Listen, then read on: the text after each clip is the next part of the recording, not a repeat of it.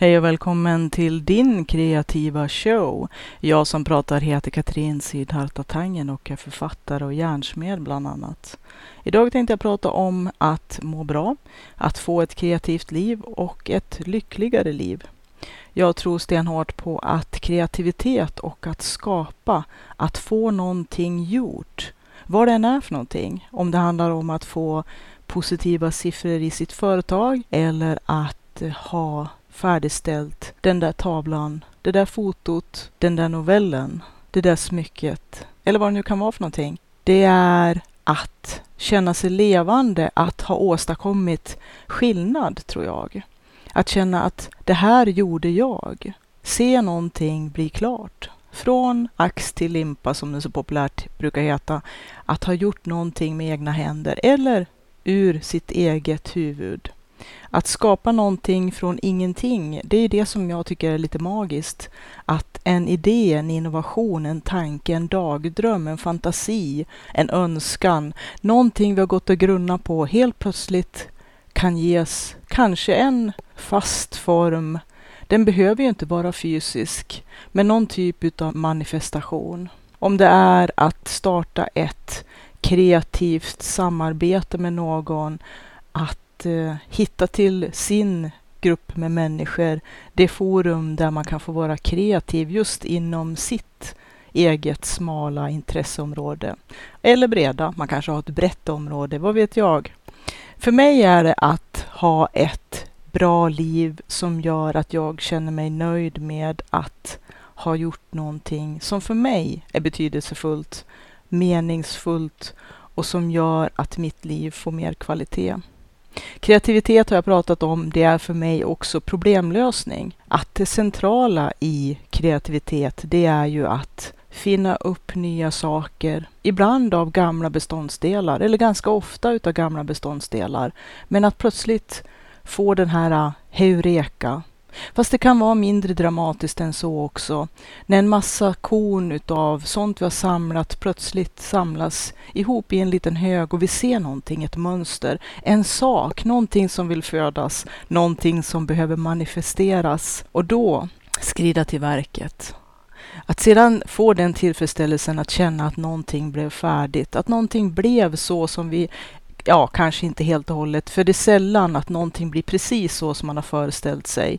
Det mest frustrerande med att vara författare, det är att saker som man såg i sitt eget huvud, scener som utspelades, dialoger som eh, var starka, möten med människor i ens vision i ens fantasi. Att vara författare är ju att när som helst drabbas av en filmvisning där ens favoritkaraktärer plötsligt skrider till verk och gör helt magiska saker. Det svåra det är att få ner det på papper, att skriva och återge det precis så som det var i huvudet. Och det lyckas aldrig. Och det är otroligt frustrerande för att en tanke kan så väldigt fort försvinna ur huvudet. Man har tänkt den och den var så perfekt, ordalydelsen, allting stämde och man har bara kanske en minut på sig att försöka fånga tanken innan den är borta. Men ändå, fastän att man lyckas fånga den, så är den inte prick så som den var i original. Och det kommer det aldrig att bli. Det får man leva med och man får faktiskt också chansen att fila lite på det man har kastat ner på det här pappret. Det gäller att fånga sina idéer och att göra någonting av dem. Men i det här avsnittet tänkte jag att vi skulle prata lite grann om hur man får mera stadga i sitt liv att kunna vara kreativ. Mitt kreativa liv går ut på att hitta nya tekniker, nya metoder, nya sätt, nya arbetsflöden för att få saker och ting att rulla lite lättare. Att eh, eliminera alla de interna och externa hinder för min kreativitet. Och de är ju många. De allra flestas liv är ganska så komplicerade och ganska komplexa. Och att hitta till sin kreativitet, att fylla på sin kreativa källa och att få njuta utav att vara kreativ och hamna i sitt kreativa flow. Det är ju sådana här saker som man måste arbeta ganska mycket för. Det är rätt mycket fotarbete för att komma till den här brännpunkten. Då när man skapar då när man får njuta utav tillfredsställelsen att se ens visioner få en slags materiell, en fast eller fysisk form eller att manifestera sig på något annat sätt. Och det är långt mellan gångerna och ganska mycket fotarbete men det är så värt det när det händer. Och på vägen ganska mycket misslyckanden. Men jag tycker att misslyckanden är ett ganska negativt ord som egentligen borde ersättas med experimentlusta. Vilja att prova, vilja att utforska, se det som en äventyrsresa. Hela livet som ett kreativt äventyr. Det har ju varit mitt motto i den här podden. Jag kanske borde byta motto och kalla det för må bra, få ett kreativt liv, få ett lyckligare liv. Men det kanske är lite för mycket. Jag vet inte. Det kanske är lättare att säga att livet drömvisionen i alla fall av mitt liv, det är ju livet som ett kreativt äventyr. Det kommer ju inte att vara kreativt i varenda sekund. Varje timme, varje dag, varje vecka, varje år kommer inte att vara strålande. Det har varit up and downs. Man har bra och dåliga dagar och det är okej. Okay. Det är helt okej okay att ha bra och dåliga dagar. Och de dagar när det är riktigt, riktigt uselt, då gäller det att försöka tänka imorgon är en ny dag. Så tänker jag. November. Nu är det november. Slutet av november. Jag har skrivit lite över 40 000 ord i NanoVrimo, National Writing Month, som jag brukar försöka vara med i varje november. Och man kan hitta det på National Writing Month nanovrimo.org om man själv är intresserad. Det är kanske lite för sent nu för det är 28 november tror jag idag. Men att nästa år kanske man kan eh, vara med och racea lite. Tävla mot sig själv. Jag är ingen tävlingsmänniska på något sätt, men jag har upptäckt att det som kan stimulera mig och få mig att inte prokrastinera så himla mycket, det är att tävla mot mig själv. Men på ett snällt sätt. Jag försöker inte prestationsnoja eller prestationspunda som jag brukar kalla det, utan jag försöker att ha min egen medkänsla med mig själv och att behandla mig själv lika bra som jag skulle behandla, ja, vem som helst faktiskt. Och den som jag skulle framförallt vilja värna om sin bästa vän, sina nära och kära. Varför behandlar vi inte oss själva lika bra som alla runt omkring oss? Eller så bra som vi borde behandla alla runt omkring oss.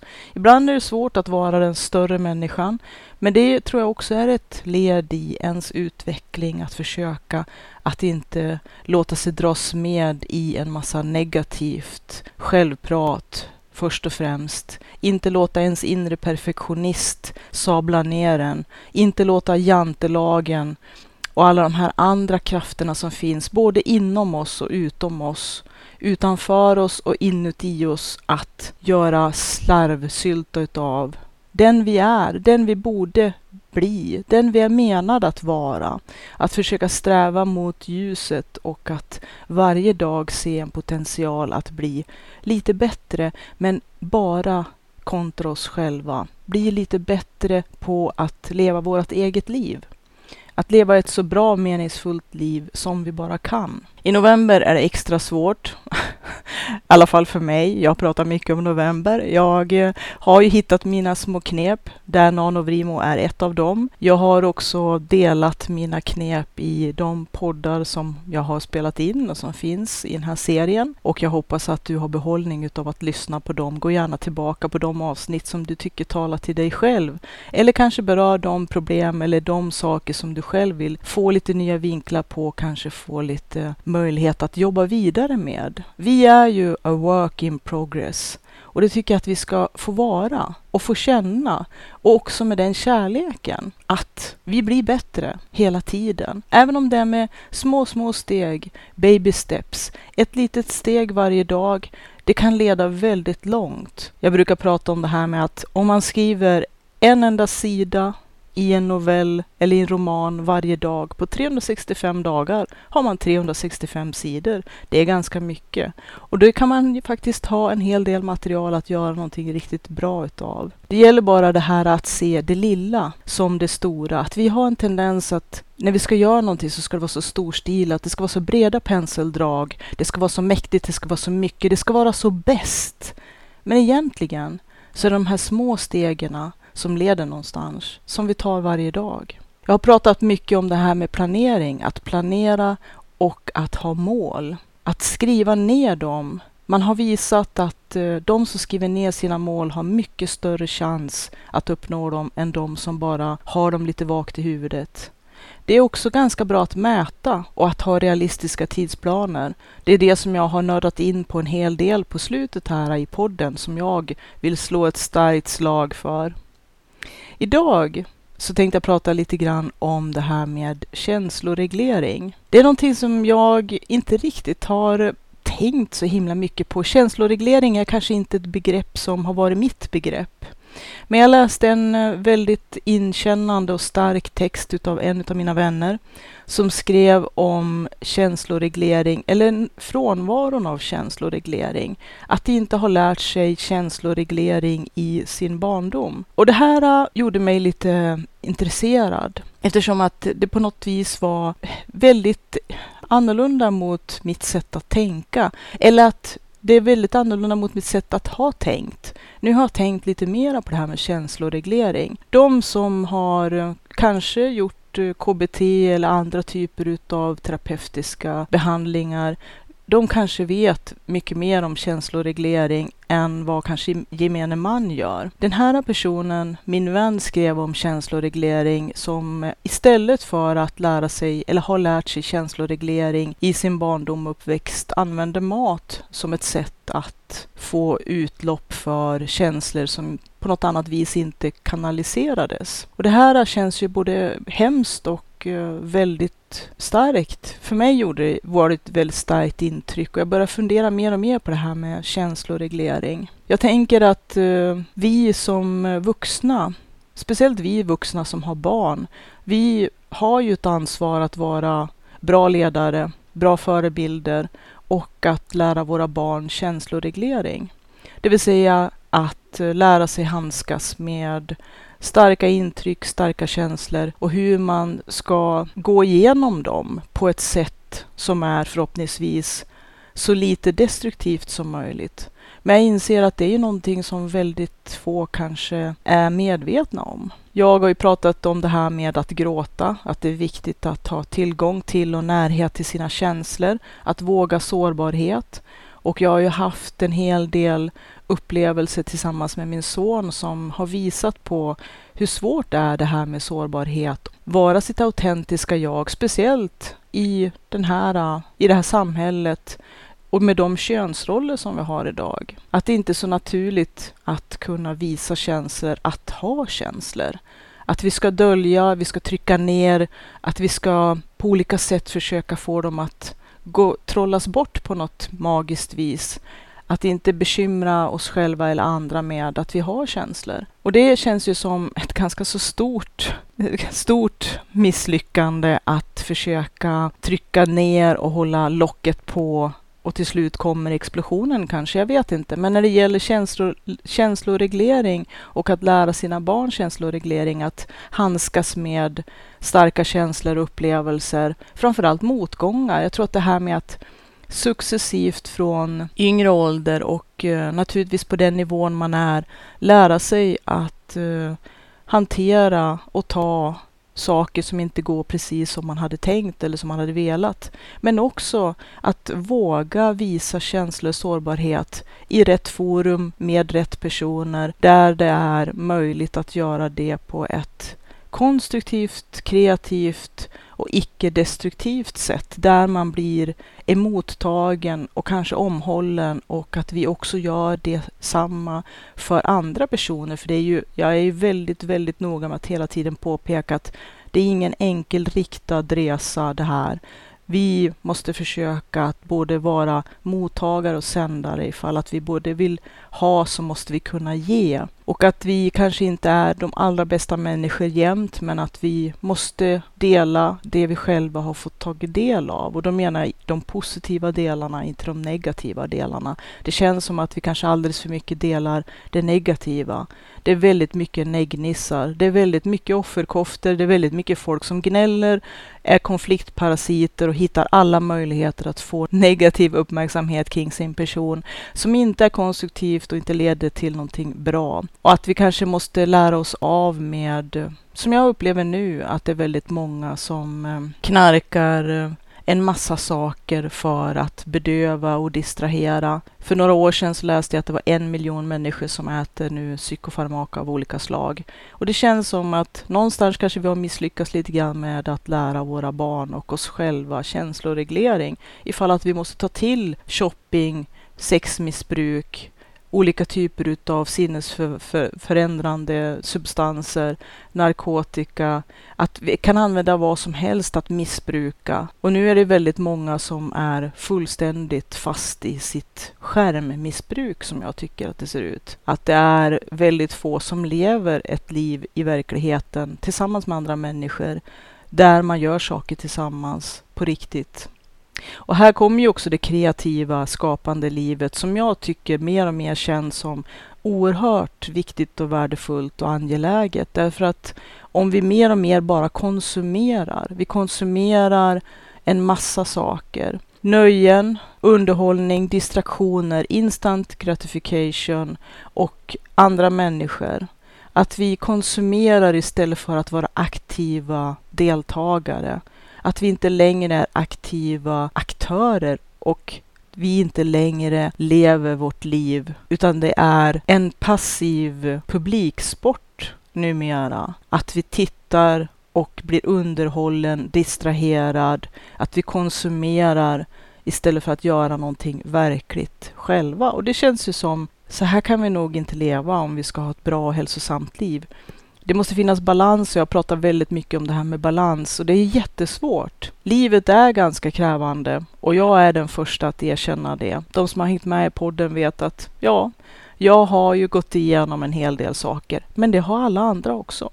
De allra flesta människor har ganska jämnt skägg med att hålla näsan ovanför vattenytan och att Därför så tycker jag det är så himla viktigt och kreativt angeläget faktiskt, om man nu får använda de två orden tillsammans, att hitta olika sätt att manövrera sig själv och sitt liv för att hitta utrymmena. Jag pratar väldigt mycket om utrymme. Att hitta space, rum, att få plats. Att se till att ta plats också. Men också framförallt att skotta fram utrymme i sitt eget liv. Inte bara fysiskt, ekonomiskt, tidsmässigt, praktiskt, känslomässigt, utan även mentalt att det är här arbetet måste börja i våran egen skalle på något sätt.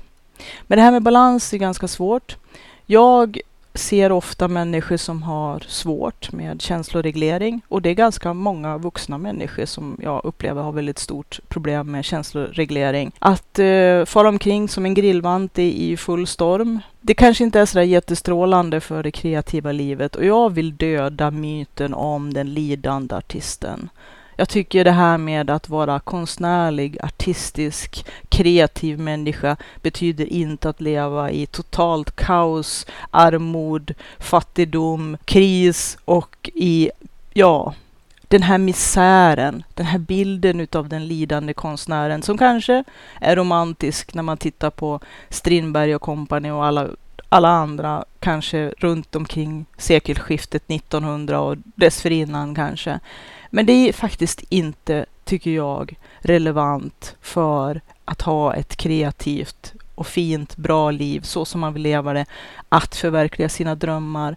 Det ska inte vara att skära av armar och ben och kanske offra allt. Även om att det är många som har gjort det och många som tvingas göra det. Men det är därför som jag också lite grann driver den här podden. För jag tycker att det ska vara möjligt att leva både ett bra liv i balans som är kreativt och givande och icke-destruktivt. Men det här med balans, det är ju ett väldigt svårt begrepp. Det är ganska så vagt på ett sätt, samtidigt som alla vet vad det handlar om och det är väldigt utnött tyvärr. Där andra kanske har svårt med för lite känsloreglering så har jag haft det motsatta problemet med kanske för mycket känsloreglering. Att jag har varit alldeles för hårt kontrollerad. Jag har ju varit introvert och jag är introvert även om att jag har lärt mig de extroverta metoderna och teknikerna som jag tror att många introverta måste göra. Men som introvert så är man oftast mycket ensam och det är ju inte för att man lider av ensamheten per se, men att man också måste handskas väldigt mycket med sitt, sitt eget känsloliv på egen hand eftersom att vi behöver mycket egen tid. Vi drar oss tillbaka, vi är mer reflekterande kanske. Det behöver inte vara så. Vi kanske är mera personer som finner nöje i att läsa och fördjupa oss och därför kanske vi också processar en hel del saker mycket mera internt. Jag har lärt om lite grann och jag har ju nu mera börjat tänka och även utåt säga att jag tänker igenom andras hjärnor. Och det låter lite otäckt på ett sätt, men jag tycker det är lite charmigt också, därför att jag har lärt mig så himla mycket av andra människor. Men som introvert så det sociala samlivet och interaktionen kräver väldigt mycket energi, så jag måste ladda batterierna emellan och jag måste också dosera och hitta den här balansen även där. För den som är extrovert så är det tvärtom. Det är jättejobbigt att sitta själv och dräneras på energi om man är ensam och måste söka sällskap, ha sociala interaktioner för att det är deras sätt att ladda batterierna. Men då brister det i den andra änden istället. För lite introvert reflektion. Alltså att man behöver lära känna sig själv och som också har varit ett sånt här talesätt när det gäller barn, att barn behöver vara ensamma och ha tråkigt. Och det är det som jag tror brister ganska mycket nu för tiden. Vi är hela tiden så otroligt absorberade av skärmar och vi kan krafsa den här klådan så att vi aldrig någonsin behöver ha en enda reflektiv tanke ever någonsin. Och att kanske till och med bara blotta tanken att sitta en enda minut sysslolös skrämmer skiten ur de flesta och då kastar vi oss in i mobiltelefonen och krafsar på plattan allt vad vi orkar. Och det är kanske på ett vis lugnande att titta på kattbilder och allt vad det är för någonting i Facebookflödet. Men vi flyr lite grann också och att vi behöver reflektera. Jag pratade ju i en podd för inte så länge sedan om det här med vikten av att dagdrömma. Att vi behöver sitta för oss själva och eh, zona ut. Men också för att reflektera och titta inåt för att se vad som finns där. Jag känner att det är väldigt många som idag inte vet vem de är. De vet inte vad de vill. De vet inte vad de har lust med. De har ingen energi för någonting, eller åtminstone så kan de inte uppamma energi för någonting för att de har ingen aning om vad som skulle kunna engagera dem. Och det tror jag beror på att vi har konsumerat. Vi har varit passiva åskådare. Vi har suttit och varit mottagare istället för att vara aktörer, istället för att vara den som gör. Det är dags att återta ratten, sätta sig i sitt eget säte och styra sitt eget fordon, sin egen farkost, genom tid och rum i ett kreativt äventyr som är vårt liv. Men det är ju lättare sagt än gjort, tror jag många gånger. Och november är en månad som man verkligen kan få kämpa för att hålla ångan uppe. Vissa stunder och perioder i november är verkligen mörka, kalla, blöta och tunga. Nu kanske det finns de som älskar november och hatar andra tider på året. Vi är ju alla olika som tur är. Men vi har alltid, tror jag, någon sån här period i livet och om året, olika faser när det är lite tyngre, när motgångarna känns lite större och det är lite svårare att hålla ångan uppe och att ha gnistan levande. Och där måste man nästan sätta in ännu mera utav sin, jag skulle vilja kalla det för finska sisu. Den kanske behövs när man är sådär vrångt, envist, tjockskallig, kör iväg. Det ska gå, som jag brukar säga. Det ska gå ändå. Även om att det är tungt och även om att vi ibland känner jag orkar inte. Men att eh, hitta de här teknikerna och metoderna för att komma ikring de jobbiga grejerna eller de värsta blindskärerna. Och det är lättare sagt än gjort igen. Jag tror jag upprepar det här för tredje gången nu. Jag vill inte verka vara den här peppiga Pollyanna, för det är jag inte alltid. De som har hängt med i podden vet.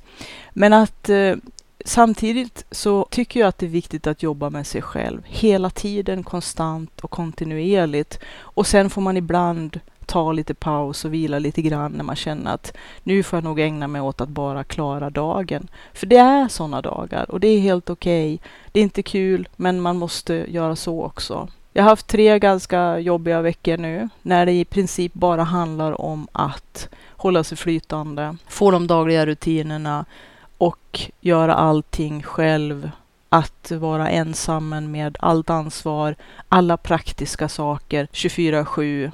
Det är tungt och det blir inte så himla mycket kreativt skapande under tiden. Men på ett vis så måste man försöka hitta en egen förståelse och förlåtelse kanske. Att eh, det går över och det blir bättre. Det är bara att hänga i, bita tag i, hålla sig kvar, hålla ut. Det blir bättre tider. Till och med i november kommer det faktiskt att bli bättre snart. Vi skriver den 28 dag och det har vänt. För mig är det alltid liksom en speciell tanke som brukar inträda sig någonstans kring 20 november när jag tänker att nu är det bara en månad kvar i mörkerhelvetet så vänder det. Även om det går långsamt när det vänder från den 22 december så det är ändå någonting som jag varje år ser fram emot. Det är lite grann som det här med, med våren när värmen och grönskan kommer tillbaka. För mig är 22 december startskottet på ett nytt år. Ny energi, ny kraft framåt. Och kanske det blir lite på slutet i november att tanken är tom, man får gå på ångorna lite grann. Det är inte mycket som hjälper till och hjälper en fram, men det ska gå. Och sen 22 december, då vänder det. Men det här med känsloreglering som jag tänkte prata lite mer om. Jag tänker att eh, ibland måste man, förutom att man som förälder måste ha en ganska så inte populär roll som ledare. Man måste fatta ibland impopulära beslut. Man kan inte vara sina barns bästis alla gånger, därför att då underminerar man sin egen ledarroll. Att vi som ledare måste vara obekväma. Ibland måste vi fatta ganska impopulära beslut. Vi måste föregå med gott exempel och det ställer krav på oss. Att även när vi kanske känner oss inte som den allra bästa och största människan så måste vi ändå knäppa igen och skörta upp oss och fixa jobbet ändå. Men också det här med att lära våra barn känsloreglering, att handskas med jobbiga känslor, att ta itu med livet även när det är förbannat, jobbigt, tungt, svårt, hemskt, ledsamt, sorgligt. Och att vi också själva som vuxna har de här perioderna och motgångarna, saker som inte går så himla lätt. Människor blir sjuka, dödsfall, arbete, stress, saker som är tunga. Och det kanske är jättesvårt då att vara både en bra förälder och en bra ledare och vara stark och skörta upp sig. Fastän att som förälder så måste man ju göra det.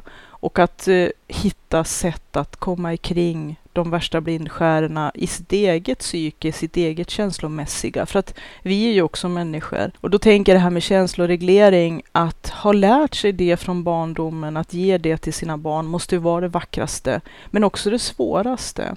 Och jag tänker att även hur bra jobb man gör som förälder så kommer ju naturligtvis aldrig att räcka till eller vara tillräckligt. Att vara förälder, det är nästan, ja det måste vara det svåraste jobbet man kan ha den svåraste rollen överhuvudtaget. Och att eh, här måste man också kanske försöka vara så snäll som man kan med sig själv och försöka arbeta sig mot ljuset och det positiva tänkande även när det är väldigt tungt. Och när man känner sig otillräcklig och kanske maktlös så är det ju väldigt svårt. Men jag tänker också som en förlängd tanke på det här med att eh, vara förälder till sina barn. För de som har barn har valt att ha barn. Jag har full respekt för de som inte väljer att ha barn och jag har många i min bekantskapskrets som har valt att inte ha barn. Jag kan ju känna att eh, det här är ett så himla stort ansvar att ha barn att vet sjutton vad man tänkte när man skaffade barn. Man älskar dem ju över allt annat och det är det som gör det också väldigt, väldigt svårt för att eh, hjärtat håller nästan på att gå av, både av oro och av kärlek. Och många gånger så är det väldigt svårt att fatta de rätta besluten på lång sikt eftersom att det är lätt att göra saker för att man vill se sina barn glada som kanske i längden är, kan vara en björntjänst. Nu kanske jag pratar lite abstrakt här, för jag kanske inte kan ta alla bitarna i det här, utan jag måste ta den biten som jag faktiskt tänkte prata om och det är att vara förälder till sig själv.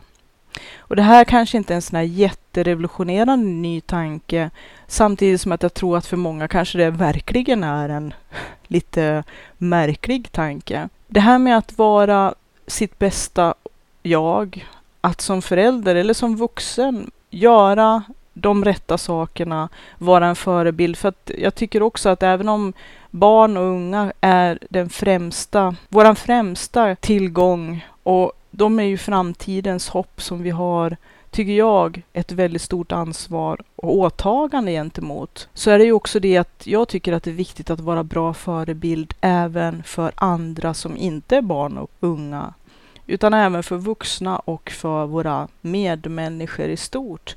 Att försöka vara den större människan Även om att det inte innebär att koppla in hela martyrskapstjosan utan att faktiskt ärligt, autentiskt försöka vara en person som gör sitt bästa. Vi kan bara göra vårt, vårt bästa och att försöka att inte hetsa upp oss och bli en sämre version av oss själva för skitsaker, för skitmänniskor, för irritationsmoment, för motgångar. Att ändå kunna andas, djupandas, hitta sig själv, hitta sitt centrum, hitta sin tyngd i magtrakten, sin balanspunkt och ändå, trots allt, kunna fortsätta framåt utan att bli en sämre version av oss själva. Det här med att visa andra människor omsorg, service, att ta hand om andra, att dela det man själv har fått eller kanske till och med dela det man inte har fått men som man så väl hade velat. Naturligtvis efter ömsesidigt samtycke och att man har en gemensam sak så att man inte tvingar på folk eller kletar sina egna uppfattningar eller det man själv tror att andra vill ha för att det är det man själv vill ha på andra, för det brukar oftast bli lite knasigt. Men också det här med att i stunder som är lite svårare eller kanske riktigt svåra, då måste vi ibland till och med gå in och vara förälder åt oss själva. Lite grann också tillåta oss att vara mindre, att vara liten, att vara små, att behöva. Att kunna vara, inte bara sådär allmänt vettig, så som vi skulle vara mot våra vänner, till och med kanske så omhändertagande och bry oss så mycket som vi skulle bry oss om våra nära och kära och kanske om våra vänner, våra närmaste vänner inte bara göra det mot oss själva som vi skulle göra mot alla andra, utan till och med ett steg till. Att i svåra stunder måste vi kanske ta hand om oss själva som en förälder skulle ta hand om ett barn. Att vi kanske måste hjälpa oss själva till att lära oss känsloreglering, att kunna koppla greppet på saker som kan vara för mycket ibland. Att hitta ett styrankare inom oss. Den här tyngden i våran egen jämvikt, i våran inre balans, att ta hand om oss själva. Och det här är ju också väldigt utslitet när folk säger till varandra i svåra stunder, ta hand om dig, se till att sköta om dig. Och människor menar väl. Jag tycker att det är viktigt att tänka på det när människor försöker hjälpa en genom att i alla fall tala om att jag bryr mig, jag har hört dig, jag har sett dig, jag förstår att du har svårt. Och det kanske är svårt via nätet att kunna hjälpa någon, speciellt om det är någon man inte har kontakt med i fysiska livet och kanske aldrig har träffat. Att man skickar en styrkekram, ett hjärta, att man skriver sköt om dig, att man menar det faktiskt. Det är inte menat som ett hån eller för att slentrianmässigt bara kläcka ur sig någonting som verkar rätt. Det kan faktiskt vara att man bryr sig på riktigt. Men att eh, vi också måste känna den här välviljan, inte bara från andra utan också från oss själva, även när det är svårt. Det finns ju så himla mycket självhat hos många människor som kan grundas i att man inte har haft det så fruktansvärt lätt i sin barndom och uppväxt få personer har en perfekt, eller ingen tror jag har haft en perfekt uppväxt, en perfekt barndom, perfekta föräldrar, perfekta förhållanden. Det finns nog inte. Och oavsett om vi kanske tycker att alla andra, eller kanske några stycken som vi känner, har haft just allt det vi inte hade, så tror jag att de hade saker som vi inte kan se, som bara finns bakom kulisserna. Vi döljer en hel del för varandra och vi försöker att sätta upp fasader. Jag har pratat en del om det också. Men att vi måste förstå att ingen har haft perfekta förhållanden. Jag tror inte det faktiskt. Även de som har fått allt serverat med silversked, som vi tycker i alla fall. Jag tror att bara det är en sak som kan orsaka stora problem, inte minst med deras känsloreglering. Och som jag har pratat ganska mycket med min son, som jag tycker är ganska klok för sin ålder, för att han har förstått en hel del av det här. Att eh, vissa saker som eh, man hade väldigt gärna velat sopa banan åt honom. Som curlingförälder fixa allt, springa både framför och bakom, jämna till allting framför och släta ut allting så att det ska bli så himla smidigt och slätt och enkelt, strömlinjeformat, utan en massa hinder, inga hopp, inga, inga stenar i vägen, inga tuvor att snava på, inga uppförslut. Men problemet om livet blir så tillrättalagt, det är att vi inte lär oss någonting och att det är väldigt svårt då när första motgångarna kommer. Alltså när den verkliga verkligheten slår till, vilket den kommer att göra förr eller senare. Man kan curla sina föräldrar, eller sina föräldrar, man kan curla sina barn in absurdum och man kan uh, skämma bort dem fullständigt. Och vi gör det här av kärlek många gånger tror jag. Men det blir också, tror jag, risk för att göra en björntjänst. Och nu kan man ju vända det här igen då till det här med att vara förälder till sig själv. Att öva upp sin motståndskraft, sin resistans mot motgångar, mot saker som inte gick som man hade tänkt. Att försöka hitta lugnet, djupandas igenom saker och hitta sätt att förhålla sig till grejer som är tunga, jobbiga, stressande, irriterande, som gör att vi känner oss mindre älskade, som kanske får oss att till och med hata lite mer. Bara för att vi känner att det är någon annans fel. Det borde vara någon annans fel. Att vi söker både felorsaker och tror att lösningen finns utanför vår egen kropp, vilket det sällan gör. Och att resten av världen inte är orsak till våra inre problem. Det kan vara lite svårt att svälja ibland. Jag är en person som väldigt lätt kan irritera mig jag tror att det kanske alla kan, irritera sig på andra människor när vi tycker att de inte beter sig som man skulle önska alla gånger. Och ibland kanske det till och med handlar om känsloreglering. Att personer som är kaosartade hela tiden, driver konflikter, skapar problem, kanske till och med crazy makers, energitjuvar, energivampyrer, personer som är narcissister, psykopater. De är inte så många, det är ganska så liten procentandel av folk. Men att vi kanske tycker oss se väldigt mycket fel hos andra människor, hos samhället runt omkring oss. Och att på något vis är det ju lätt att skylla på någon annan. Skylla på något annat. Vi har ju ett sätt här lokalt att vi säger att det är skönt att ha något att skylla på. Och det är kanske det man måste jobba lite grann mera med. Sluta gömma sig bakom. Sluta hela tiden förlita sig på att kunna skylla på någon annan. Den här väldigt fint virkade offerkoftan kanske ville slänga av oss. Och vi kanske måste grotta ner oss i våra egna problem och lära oss en hel del om oss själva och det gör man nog inte via sin smartphone. Det som jag i alla fall tycker är positivt, det är att det finns allt mera medvetenhet kring det här. Att folk nu att vi kan se saker mycket tydligare. Det finns resurser, för igen, även om att jag tycker att man ska slita sig loss ifrån skärmen, så finns det ju en hel del saker man kan söka via nätet. Man kan lära sig genom forumgrupper, läsa andra människors erfarenheter och få hjälp med saker som man själv tycker är svårt. Att hitta de människorna som har gått igenom exakt samma sak. Det finns massvis med stödgrupper och hjälp. Folk som har startat egna forumgrupper där man pratar om just precis det här problemet som man har gemensamt eller just den här företeelsen.